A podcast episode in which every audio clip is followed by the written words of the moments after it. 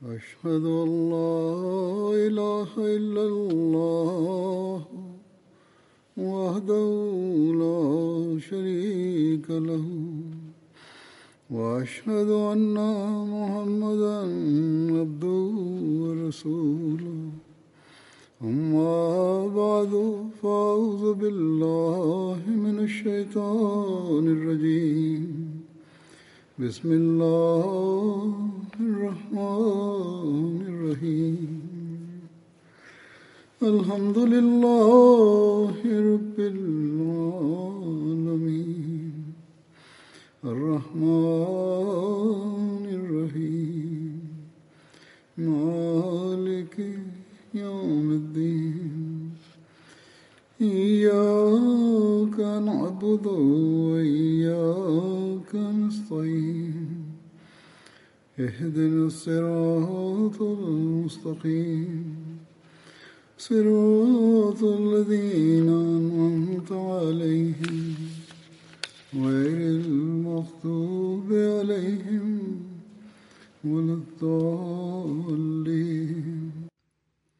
Bismillahirrahmanirrahim.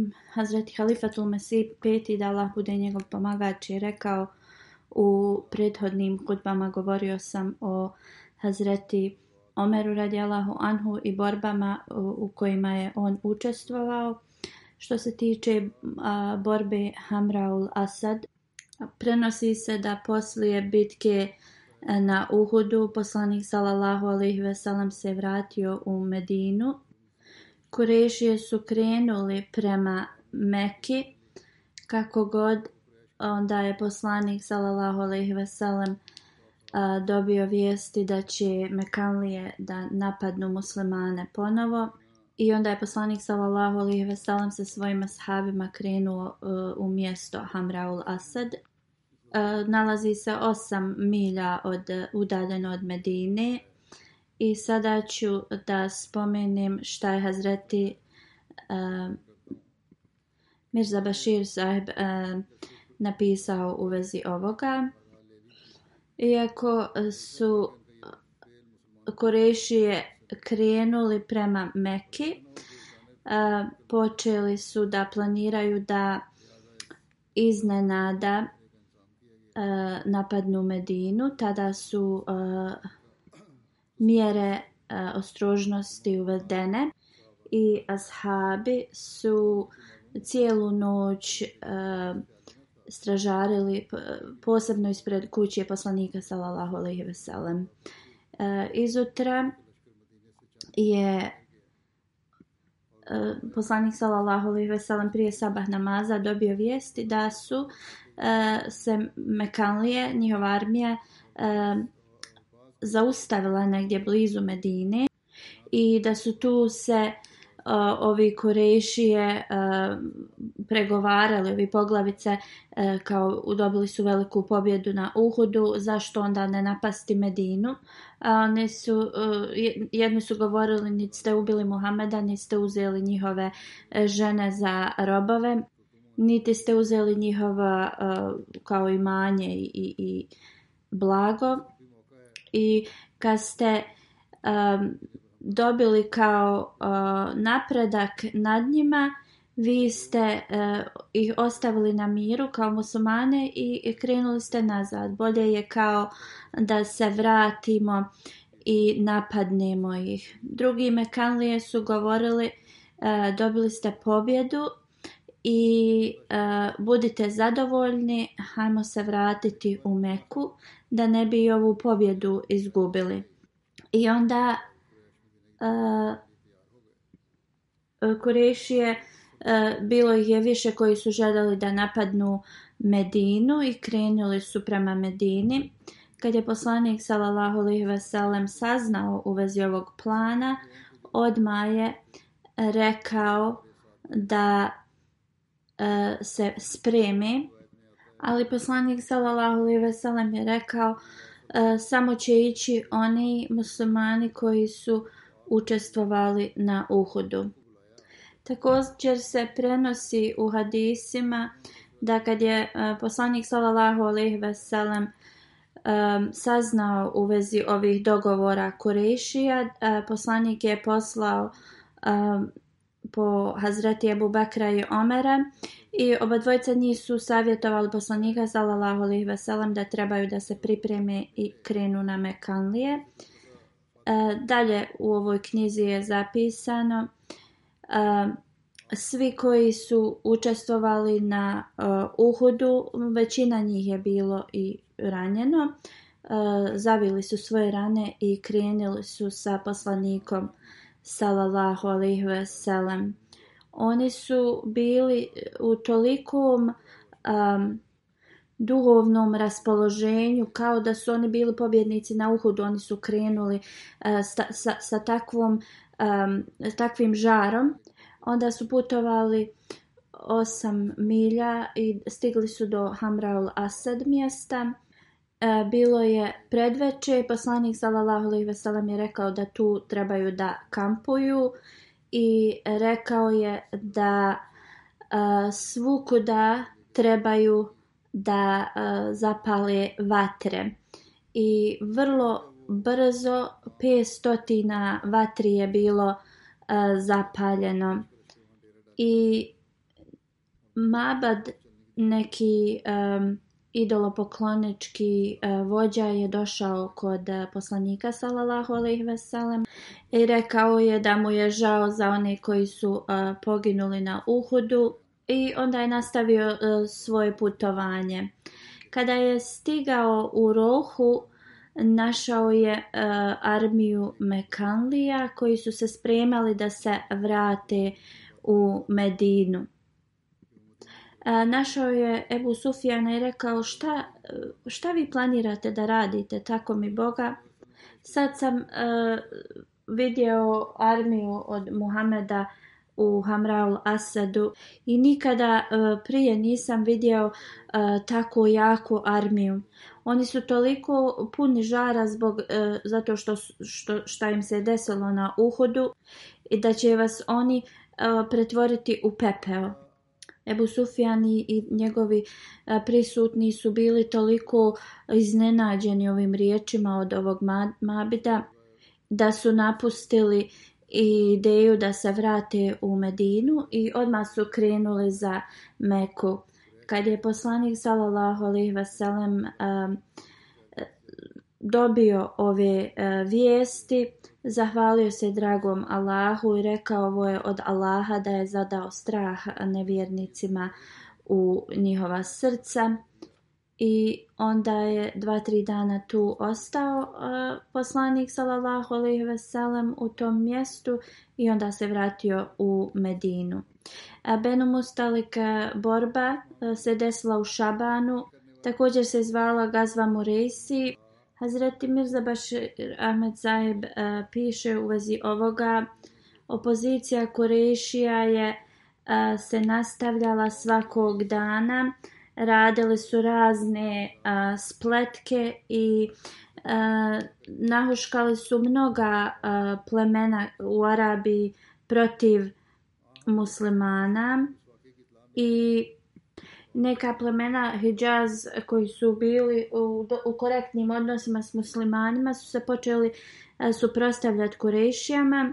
Benu Mustalek, oni su ogranak tog plemena, oni su počeli da se mobilizuju e, da bi napali Medinu. Haris bin Abizarar, njihov poglavica, je e, pozvao razna e, plemena iz tog regiona. Kad je poslanik sallallahu alejhi ve saznao u vezi ovoga, on je Burida bin Huseid poslao je tog čovjeka njima e, da bi saznao informacije o ovom napadu i rekao mu je da se mora vratiti brzo. Kad je Bureda tu došao, našao je veliki skup i da su se oni pripremali e, da e, napadnu Medinu. Odmah se je vratio poslaniku sallallahu alejhi i obavijestio ga šta je vidio. Poslanik sallallahu alejhi ve sellem je pozvao svoje ashabe i rekao da trebaju da krenu prema mjestu Benu i veliki broj ashaba se spremio da idu. također u toj grupi je bila veliki broj licemjera koji nikada nisu išli ni u jednu borbu. Ebu Zar Gafari ili Zaid bin Harsa su bili ostavljeni kao a, poglavice Medine. E, to se desilo u petoj hidžetskoj. E, muslimani su imali e, 30 konja i nešto malo više e, kamila. Muslimani su se mijenjali e, kao na izmjenično su se mijenjali ovi. E, ili kamile ili konjem. Onda smo s man također e, uhvatili e, nekoga izviđača od nevjernika i doveli su ga kod poslanika sallallahu alaihi veselam. Kad ga je ispitao, poslanik sallallahu alaihi veselam je bio uvjeren da je on bio kao izviđač nevjernika i pokušao je da ga ispita u vezi planova nevjernika, ali on je E, odbio i zbog e, e, pravila rata Hazreti Omer radijalahu anhu ga je ubio. Poslije toga muslimanska armija je nastavila dalje. Kad je Benu Mustalik, kad su saznali da muslimani dolaze i da je njihov izviđač bio ubijen, oni su se prepali oni su planirali da u, tajnosti nekako napadnu Medinu, ali zato što je poslanik sallallahu alejhi ve sellem bio vrlo vrlo pažljiv, oni su sad jednostavno stvari su se preokrenule i sada su oni bili iznenađeni. I plemena koja su došla da im pomognu, oni su bili također prestrašeni i odmah su otišli i napustili to mjesto. Ali Benu Mustalek zato što su ih korejšije toliko nagovorili na muslimane, oni su tu i dalje čekali muslimane e, da se bore protiv njih. Kad je poslanik sallallahu alejhi ve e, stigao blizu e, tog mjesta, mjesta gdje su Benu Mustalek se nalazili, Časni poslanik sallallahu alejhi ve je e, naredio da se tu e, napravi e, kamp i kada je naredio ko da nosi zastave i onda je naredio Hazreti Omeru radijalahu anhu da ode i da kaže Benu Mustalik ako se oni povuku da će e, oni jednostavno ih ostaviti na miru i neće ih napasti i e, da će se muslimani vratiti nazad, ali Benu Mustalik su to odbili i pripremali su se za rat. E, zapisano je da je prva strijela ispaljena od, s njihove strane. Kad je poslanik sallallahu alejhi salem ovo vidio, naredio je onda da i e, ashabi se počnu boriti protiv njih.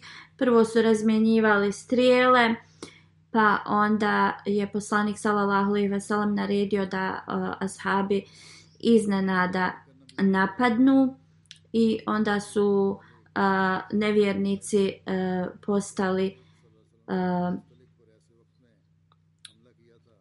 kao muslimani su tada napredovali i okružili su ih i muslimani su bili pobjednici i tako ovaj se rat i završio zato što je to cijelo pleme bilo opkoljeno od e, muslimana. Hazreti Mirza Bashir Ahmed Saib dalje piše vrlo je važno da se uh, spomeni hadis iz Buharija u vezi ovoga gdje piše E, da je a, poslanik sallallahu ve sellem napao u vrijeme kada ovi Benu Mustalek su e, napajali e, kao svoje životinje. Kao možemo uzeti ovim, ovaj hadis tačnim jer ako razmislimo dobro, na primjer, oni su znali da muslimani dolaze, ali nisu bili svjesni da su muslimani došli tako blizu, pa možda i oni su bili zauzeti nekim svojim dnevnim poslom kao napajanje životinja. Kako god, kad su oni dobili e, vijesti da su muslimani blizu e, stigli, oni su odma e, se spremili da napadnu muslimane. Alama Ibn Hajar učenjak kaže da ovo je tačno tumačenje. Kada su se muslimani vraćali iz ove borbe desilo se nešto Hazreti Džabel radijalahu anhu prenosi i ovaj hadis je u sahibu muslimu. Kaže, bili smo uz poslanika sallallahu alaihi veselem kada je e, jedan čovjek koji je bio muhađer udario jednog ensariju po leđima i onda su oni pozvali ovaj, što je muhađir bio pozvao svoje od drugi ensarija ensarije e, kao pomoć od svojih ljudi. Ovo, ova vijest došla do poslanika sallallahu alejhi ve sellem. E, poslanik sallallahu alejhi ve sellem je rekao e, šta se to kao dešava kao iz džah, džahilijetskog perioda rečeno mu je da je jedan muhađir udario Ansariju po leđima. Poslanik sallallahu alejhi ve sellem rekao ostavte to, nemoj se, nemojte se u vezi toga, u vezi ovako malih nekih stvari da se svađate. Abdullah bin Ubej koji je bio tu, on je nešto rekao kao da možda je to neka mala stvar, ali kad se vratimo u Medinu kao Bože sačuvaj oni koji su najčasniji ljudi će da, da izbace one koji su kao koji su loši. Hazreti Omer je čuo ovo e, radijala Honhu i rekao je poslaniku sallallahu ve veselemu Allahu poslaniće molim te do, daj mi dozvolu da, da mu odrubim glavu. Poslanik sallallahu ve veselem je rekao ostavi ga na miru, ne želim e, da ljudi kažu da Muhammed ubija svoje ashabe. Detalji e, ovoga su zabilježeni u e, knjizi e, u vezi poslanika sallallahu alejhi ve sellem. U Sirat ibn Hisham se spominje da u e, zadnjim danima kad bi god Abdullah bin Ubej rekao nešto ovako ljudi bi govorili da je on neznalica. Kad je poslanik sallallahu alejhi ve čuo u vezi ovoga, rekao je o Omere, dan kada si upitao da ga ubiješ, da sam ti dao tu dozvolu, ljudi bi kao ljud, ljudima to ne bi bilo pravo tad, ali sada E, ljudi e, kao jednostavno bi se svi složili da, da, da on treba da bude ubijen i kao mnogi ljudi koji su e, prije njega podržavali sad bi ga rado ubili. Hazreti Omer je rekao tako mi je ja znam da odluka poslanikova sallallahu alejhi je bila mnogo bolja od moje kad je e, poslanik sallallahu alejhi ve sellem e, htio da klanja e, džanazu Abdullahu bin Ubeju poglavici licemjera Hazreti Omer radijalahu anhu je rekao Allah dželešanhu je zabranio da se klanja dženaza licemjerima. Poslanik sallallahu alejhi ve je rekao meni je data dat izbor e, ili da se molim ili ne molim za njih. I poslanik sallallahu alejhi ve sellem je klanjao e, njegovu uh, dženazu. Ali posle kada je kad je Allah dželešanhu naredio da se licemjerima ne klanja dženaza i ne moli se za njih, onda to nikada više nije e, uradio. Abu Selima prenosi od Jabir bin Abdullah na dan e, borbe na Hendeku.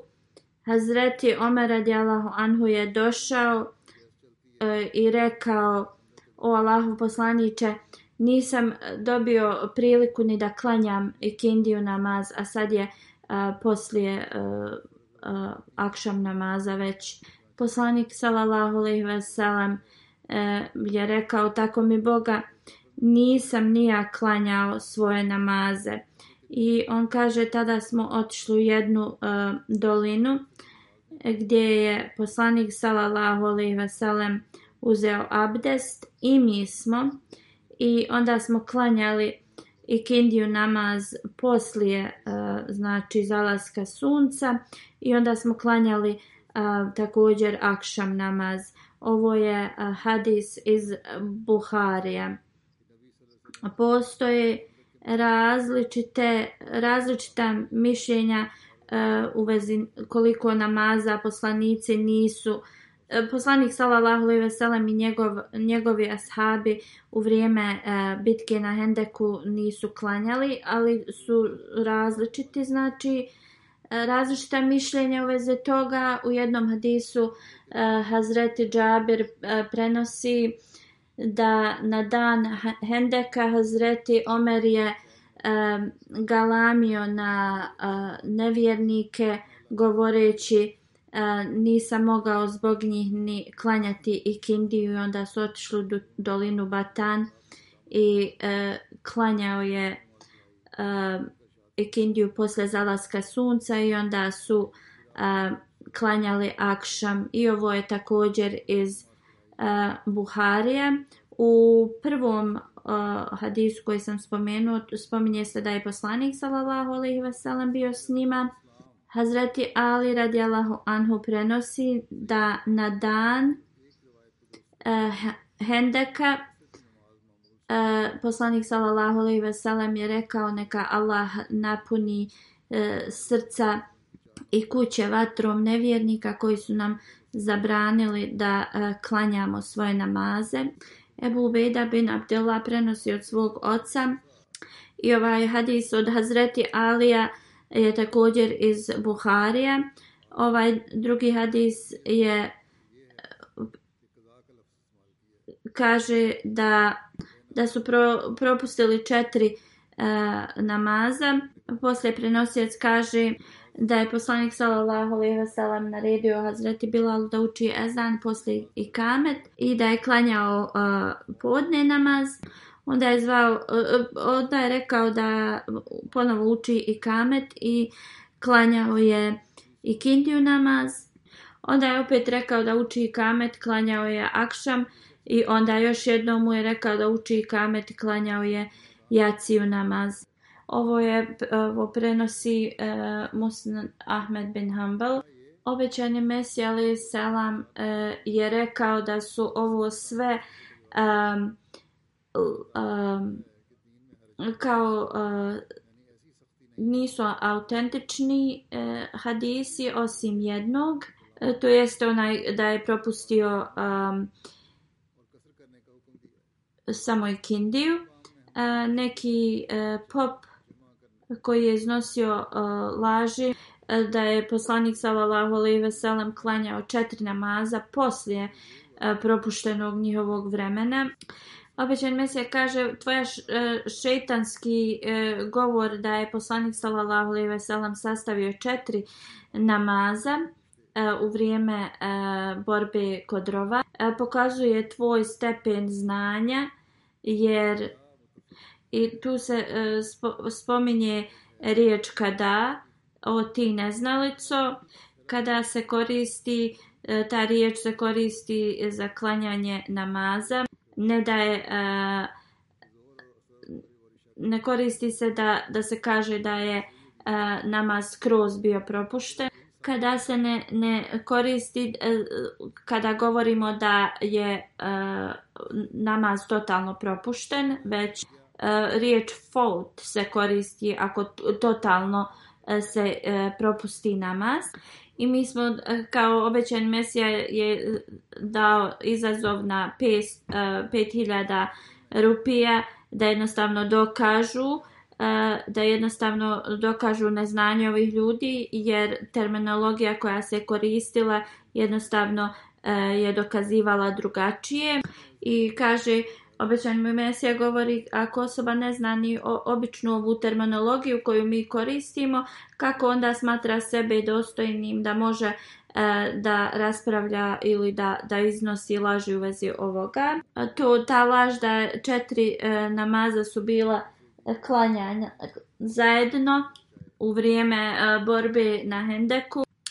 Allah Đalašanu jednostavno nije zabranio da se namazi, na primjer, sastave ili propuste u, ne, klanjaju u, propisano vrijeme u nekim vanrednim situacijama kako god ne postoji autentičan hadis koji govori da četiri namaza su bila e, klanjana odjedan put. U Fathul Bari, što je komentar e, hadisa Buharija, e, je zabilježeno da jedino i Kindija je bila klanjana u, skoro u vremenu kada je istekla da si tu bio prisutan, pitali bi te da nam nađeš e, taj dokaz. Obećan Mesija se obraća ovom neprijatelju. On kaže e, šerijat dozvoljava da se četiri e, namaza mogu sastavljati, ali ne svi zajedno. Na možemo da sastavimo podne i kindiju ili akšam i jaciju u ovim vanrednim situacijama, da postoji da jedan vrlo slab hadis koji nije autentičan e, gdje e, govori da četiri namaza su muslimani tad klanjali zajedno, ali osim toga nigdje se ne nalazi e, dokaz za ovo. Jedino što možemo naći jeste da ikindija namaz je skoro bio kao vrijeme u kojem se može klanjati bio prošao. Zapisano je u vezi učestovanja Hazreti Omera radijalahu anhu na ugovoru Hudejbije da je poslanik sallallahu alejhi ve poslao po Hazreti Omera radijalahu anhu i da ga pošalje u Kurešijama da on informiše njih zašto je poslanik sallallahu alejhi ve tad putovao u Meku.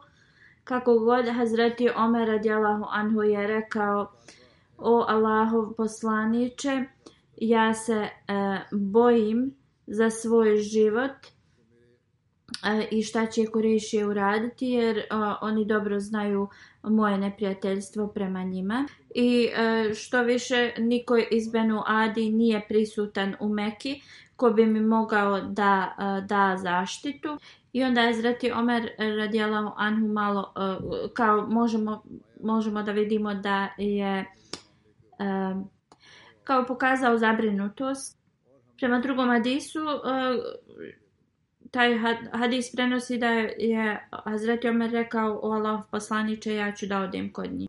Kako god poslanik sallallahu alejhi ve ništa nije rekao na to, onda Hazreti Omer radijalahu anhu je e, rekao poslaniku rečiti drugu osobu koja e, je mnogo e, kao uzvišenija kod Kurejšija nego on ili kao oni imaju on ima veću, veći ugled od Hazreti Omera radijalahu anhu, a to je Osman bin Afan i onda je poslanik sallallahu alejhi ve pozvao njega i e, poslao ga je e, Ebu Sufjanu i drugim e, poglavicama da ih informiše da poslanik sallallahu alejhi ve je došao na hadž, a ne da se bori. Hazreti Mirza Bashir Ahmed piše da Abu Džembel je došao kod muslimana, ne znam kako je došao, on je bio zatvoren od Mekalija zato, i, zato što je prihvatio islam i mučili su ga. Kad je saznao da je poslanik sallallahu alejhi ve sellem došao blizu Meke, on je nekako pobjegao od Kurejšija. Iako i dalje bio svezan, stigao je na Hudejbiju. Njegov otac je tada rekao Kurešijama kao on je dao taj neki zakon iako bilo ko pobjegne od Kurešija a, da bi u tom da bi se taj ugovor potpisao muslimani moraju vratiti te osobe nazad Abu Džendal se bacio pred muslimane i plakao je i rekao je o muslimani oni mene e, toliko muče samo radi toga što sam e, prihvatio islam molim vas e, spaste me. Ali poslanik sallallahu alejhi ve je dobio taj uvjet da ako iko pobjegne od Kurešija da ih poslanik sallallahu alejhi ve mora vratiti njima i naredio je da vrati ovog e, e, muslimana.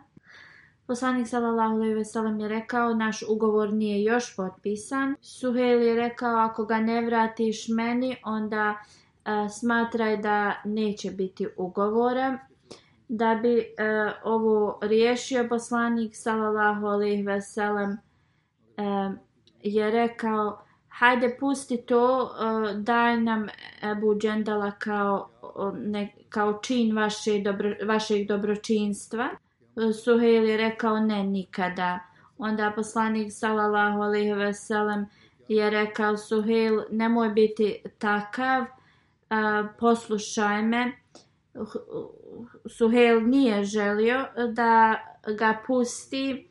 Tada je Buđendal rekao, o muslimani, zar me vratiti nevjernicima kad sam pobjegao od njih? Oni su mene toliko mučili.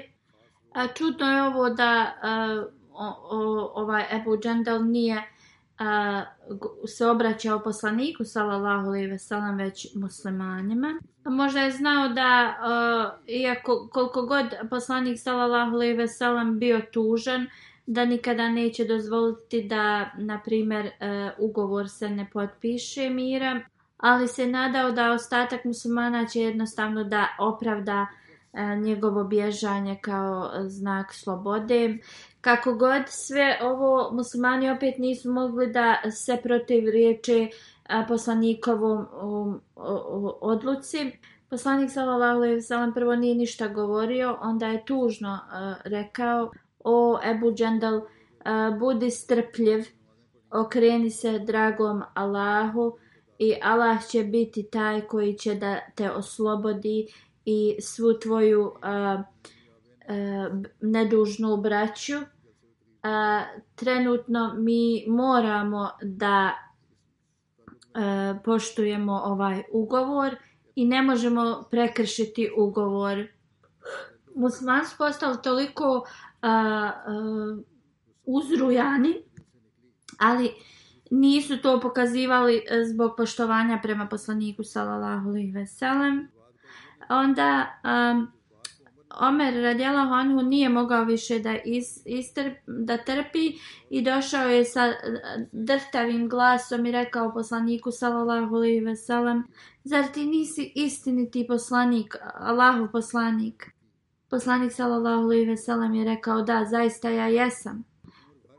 Omer radjela Honhu je rekao zar mi ne, ne, ne hodamo istinom, zar mi nismo oni na strani istine, a nevjernici u laži? poslanik sallallahu alejhi ve sellem je rekao da zaista jesmo. Onda Hazreti Omer radijallahu anhu je rekao zašto onda mi prolazimo kroz ovakav sram? Poslanik sallallahu alejhi ve sellem je rekao Omer ja sam um, Allahov poslanik, ja ne mogu da idem protiv Allahovog naređenja.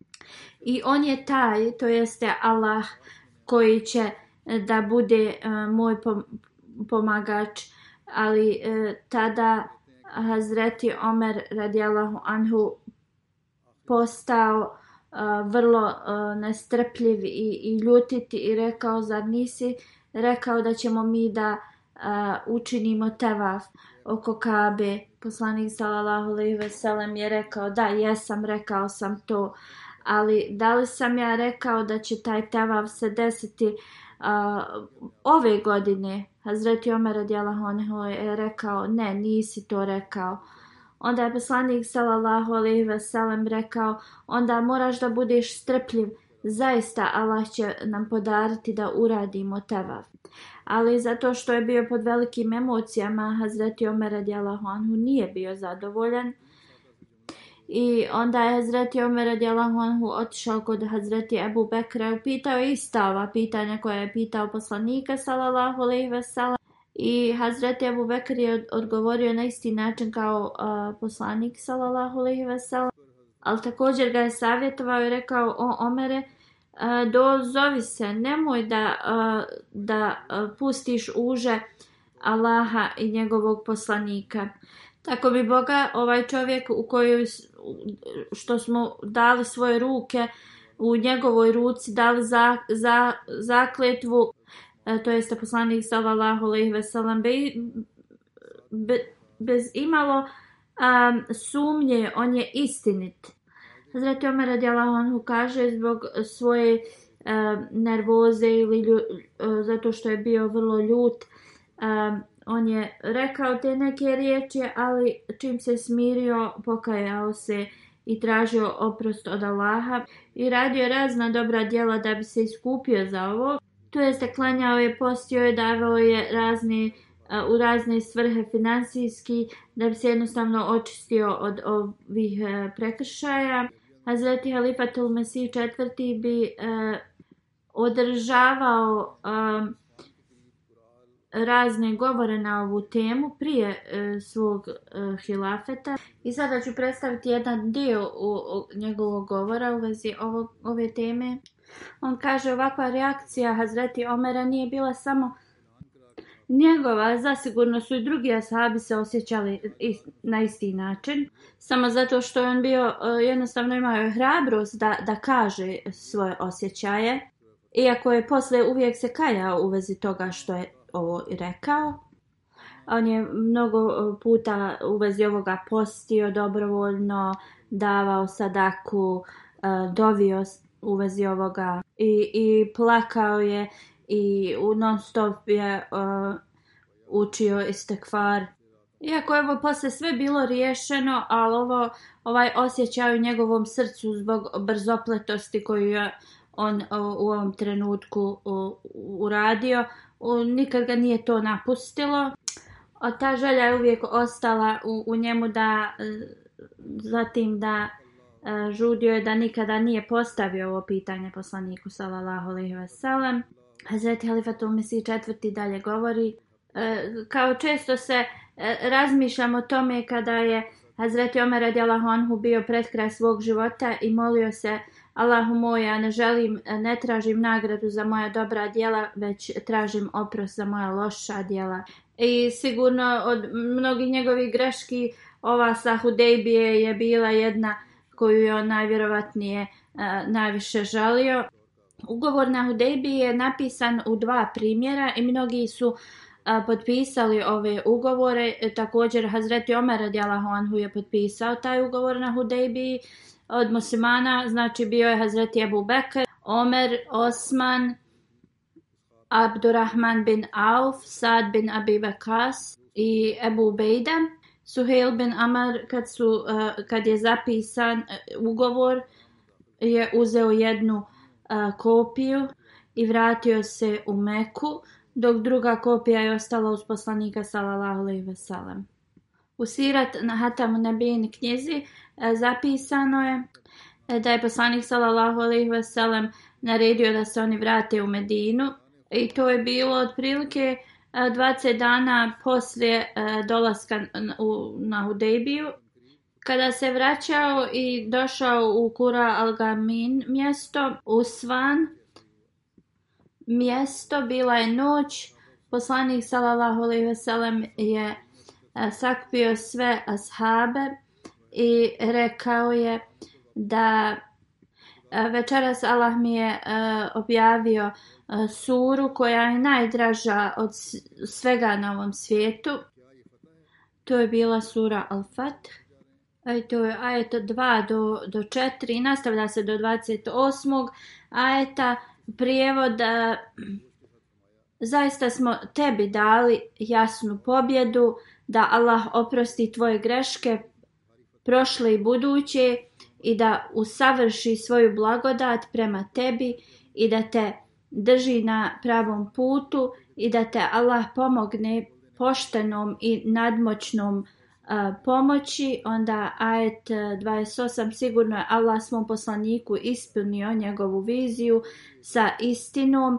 Ako Allah želi vi ćete sigurno ući u časni hram u sigurnosti, brijući svoje glave i podrezujući kosu i nećete imati straha. No on je znao ono što vi niste znali, on vam je zapravo to odredio blisku pobjedu. Drugim riječima da su oni ove godine ušli u Meku, to ne bi bilo u sigurnosti i to bi bio kao rat i krvo ali Allah je e, pokazao poslaniku sallallahu alejhi ve da e, će ući u sigurnosti u Meku. I zaista to se tako i desilo.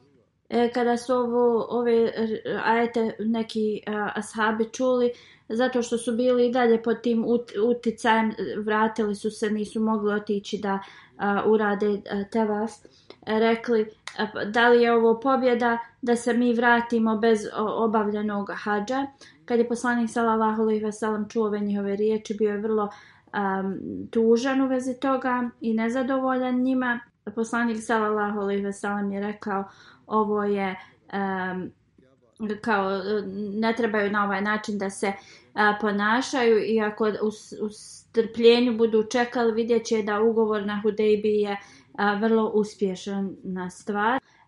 Kurejšije koji su uvijek za, za rat, oni su jednostavno sklopili ugovor mira s nama i obećali su nam da možemo ući u Meku sljedeće godine i mi smo sad zaštićeni od um, Kurešija zato što su pod ugovorom s nama, vraćamo se u miru i Allah nam je dao obećanje o, o pobjedi i ovo je zaista velika pobjeda i onda da li ste vi zaboravili e, kako su Korešije na vas napadali na uhodu i bili ste prestrašeni kako god ovi isti korešije danas sklapaju ugovor sa vama.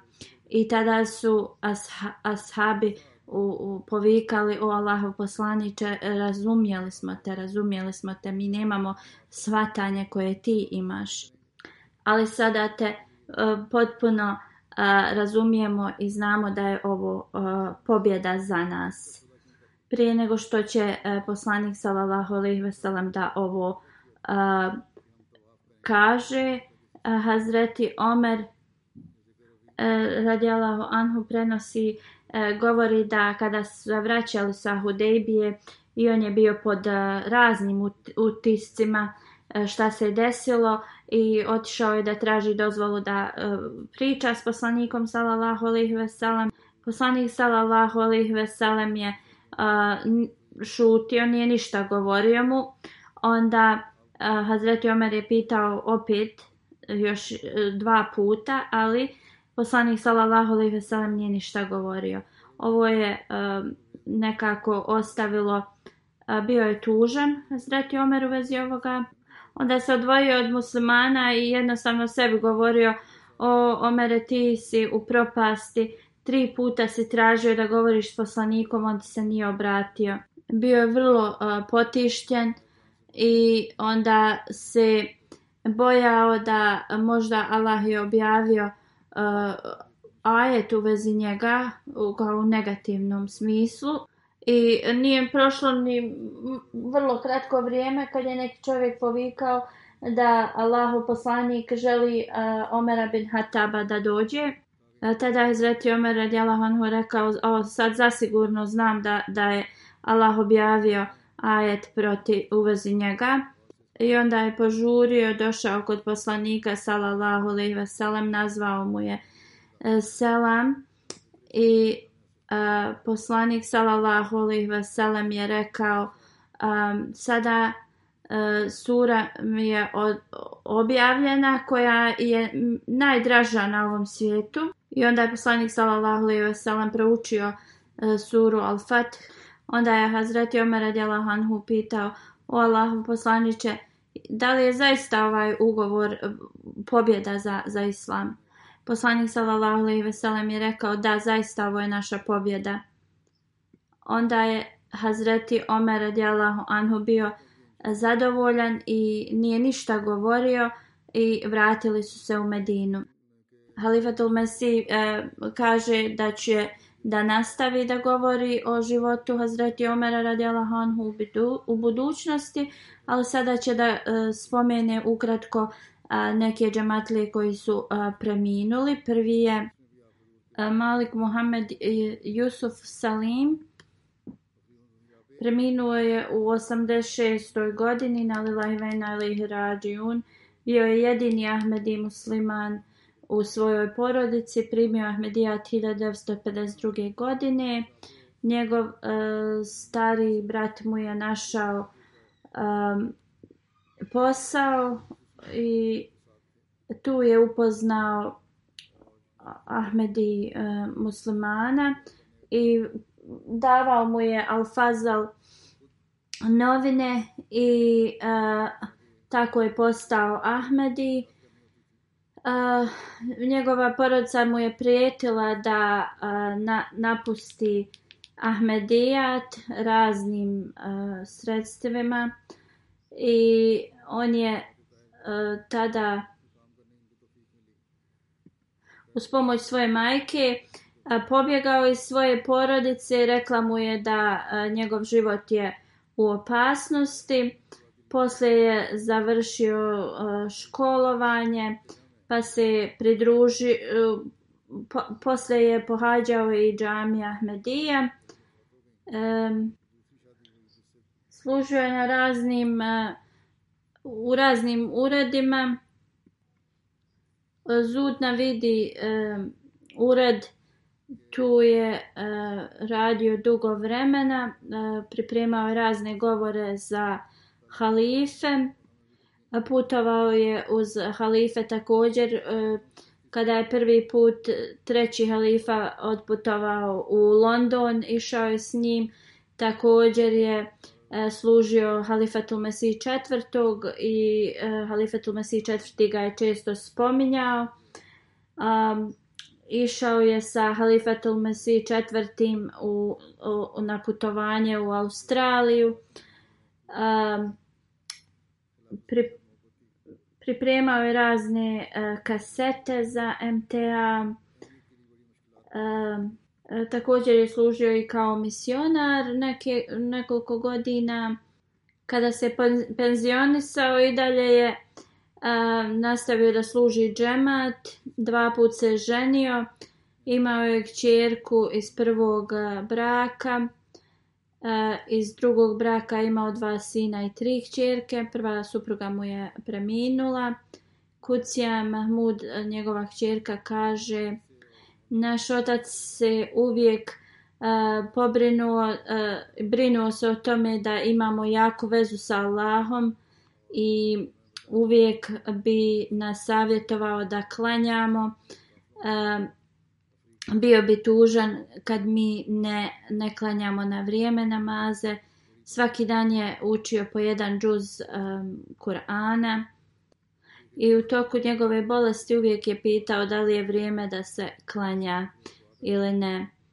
Uvijek je uh, nasavjetovao da budemo poslušni, da volimo hilafet i uh, govorio je da svi blagoslovi su u poslušnosti prema hilafetu, imao je veliku ljubav prema hilafetu. Privatni sekretar Rashid Taib piše da u vrijeme Halifatul Mesih III. služio je u raznim uredima, e, pisao je razne izvještaje, služio je u Alfazalu, E, imao je e, velike e, mogućnosti da piše literature. Bio je vrlo precizna osoba da u svakom svom poslu. Molio se dragom Allahu da on nikada ne pogriješi ništa. Halifa Tlumesi kaže da sjećam se da je on bio vrlo nježna osoba i da je stvarno ispunio to svoj vakf u potpunosti. Živio je jednostavan život i uvijek je radio svoj posao da mu Allah podari milost i oprost i blagoslove njegovom potomstvu. Sljedeća dženaza je Šuib Ahmed Sahibu. On je također dao svoj život u službu džamata. Njegov otac je bio derviš u Kadijanu e, i na lillahi ve na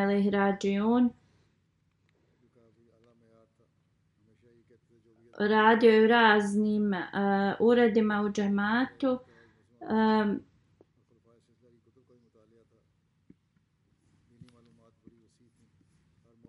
E, služio je džemat više od 33 godine. Eh, redovno je klanjao eh, također tahadžud namaz, uvijek je eh, bio poslušan prema hilafetu i govorio je šta god dobijemo naredbu od halife trebamo to odmah da ispunimo. Volio je da čita knjige od obećanog Mesije i Hulefa. Bio je vrlo dobra osoba gostoprimljiv, e, trudio se da pomaže onima kojima je bila potrebna. E, svi iz Kadijana e, govore o njemu dobro. Bio je Musi, iza sebe ostavlja suprugu i dva sina. Mnogi su pisali u vezi njegovog posla i kako je u toku dželse uvijek ostavljao do kasno u noć da bi se brinuo za goste obećanog Mesija ali salama. Ako bi se išta, išta desilo, on bi išao osobno da se izvine gostima. I e, njegov e, zet kaže e, da je govorio da nikada nije osjećao neku nestrpljivost prema, bilo kome. Da uzvišen je Allah podarim mu milost i oprost a njegovoj djeci i e, suprugi sabor i strajnost i da e, nastave da rade njegova dobra djela. E, sljedeći, sljedeća dženaza je od Maksud Ahmed Bati misionar iz Kadijana. Preminuo je 18. maja u 52. godini na Lilahvin Ali Hrađijun. 30 godina je služio džemat od 2017. E, je služio kao centralni kazij i tu je služio e, vrlo e, iskreno, uvijek se brinuo svim, o svim stvarima koje su mu bile njemu date da, da uradi. I dok je bio u bolnici, pošto se je zarazio koronavirusom, i, i u bolnici se uvijek brinuo u vezi Eh, svog posla. Bio je vrlo eh, hrabar, eh, vrlo pametan, vrlo aktivan misionar. Bio je musi, iza sebe ostavlja majku, tri brata, suprugu i tri kćerke da mu Allah oprosti i da mu svoju milost i čuva njegove kćerke pod, njego, pod zaštitom i da nastave svi da rade njegova dobra djela.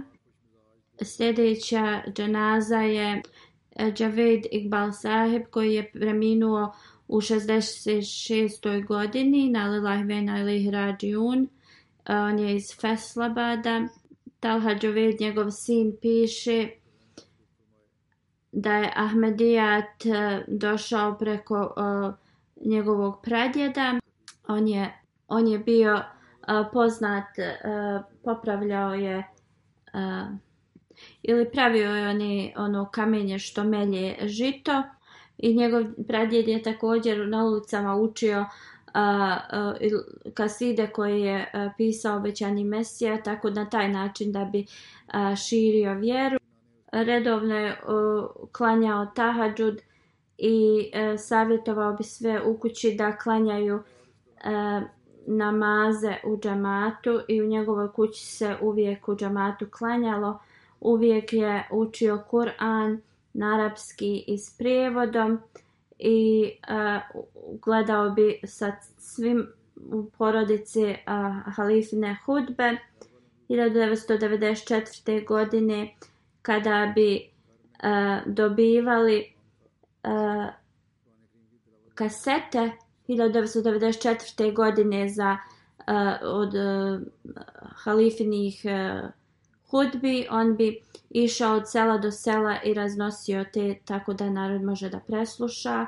Onda kada je MTA započet, instalirao je satelitsku antenu u svojoj kući i onda bi pozvao sve ljude da slušaju zajedno hudbu s njim. Za sebe ostavlja majku, suprugu, dva sina i kćerku. Da uzvišeni Allah mu oprosti i bude milostiv prema njemu. E, sljedeća dženaza je od Madiha Navaz sahiba, supruga od Navaz Ahmed e, sahib On je misionar u Gani. Preminula je 16. aprila u 36. godini i nalila je venali rađiun živjela je u Gani i tu je preminula. E, njen suprug koji je misionar piše 16 godina braka kao e, pokazala je toliko dobrih kvaliteta svojih, bila je vrlo strpljiva, e, nježna, ljubazna, odlična majka i supruga.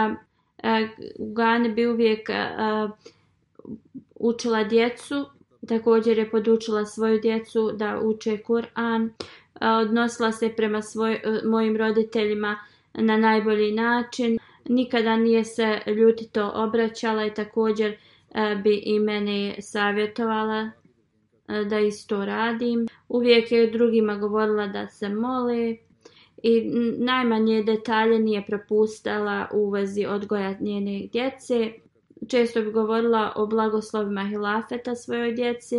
Uvijek je e, služila e, siromašni, bila je vrlo pobožna. E, iza sebe ostavlja supruga i tri troje djece. Furat Safi je 13 godina, kćerka 8 godina i Zara ima jednu, jednu godinu. Svo troje djece su vakfena djeca, mašala da joj dragi Allah prihvati njene dove e, u vezi njenih djece i da joj pod, uzdigne njeno, e, njen status na ahiretu, podari joj milost i oprost. Alhamdulillah, alhamdulillah, nahmaduhu wa nasta'inuhu wa nastaghfiruhu. bihi, wa natavakkalu alayhi. ونعوذ بالله من شرور أنفسنا ومن سيئات أعمالنا من يهده الله فلا مضل له ومن يضلل فلا هادي له ونشهد أن لا إله إلا الله ونشهد أن محمدا عبده ورسوله عباد الله رحمكم الله إن الله يأمر بالعدل والإحسان وإيتاء ذي القربى وينهى عن الفحشاء والمنكر والبغي يعظكم لعلكم تذكرون اذكروا الله يذكركم ودوه يستجب لكم ولذكر الله أكبر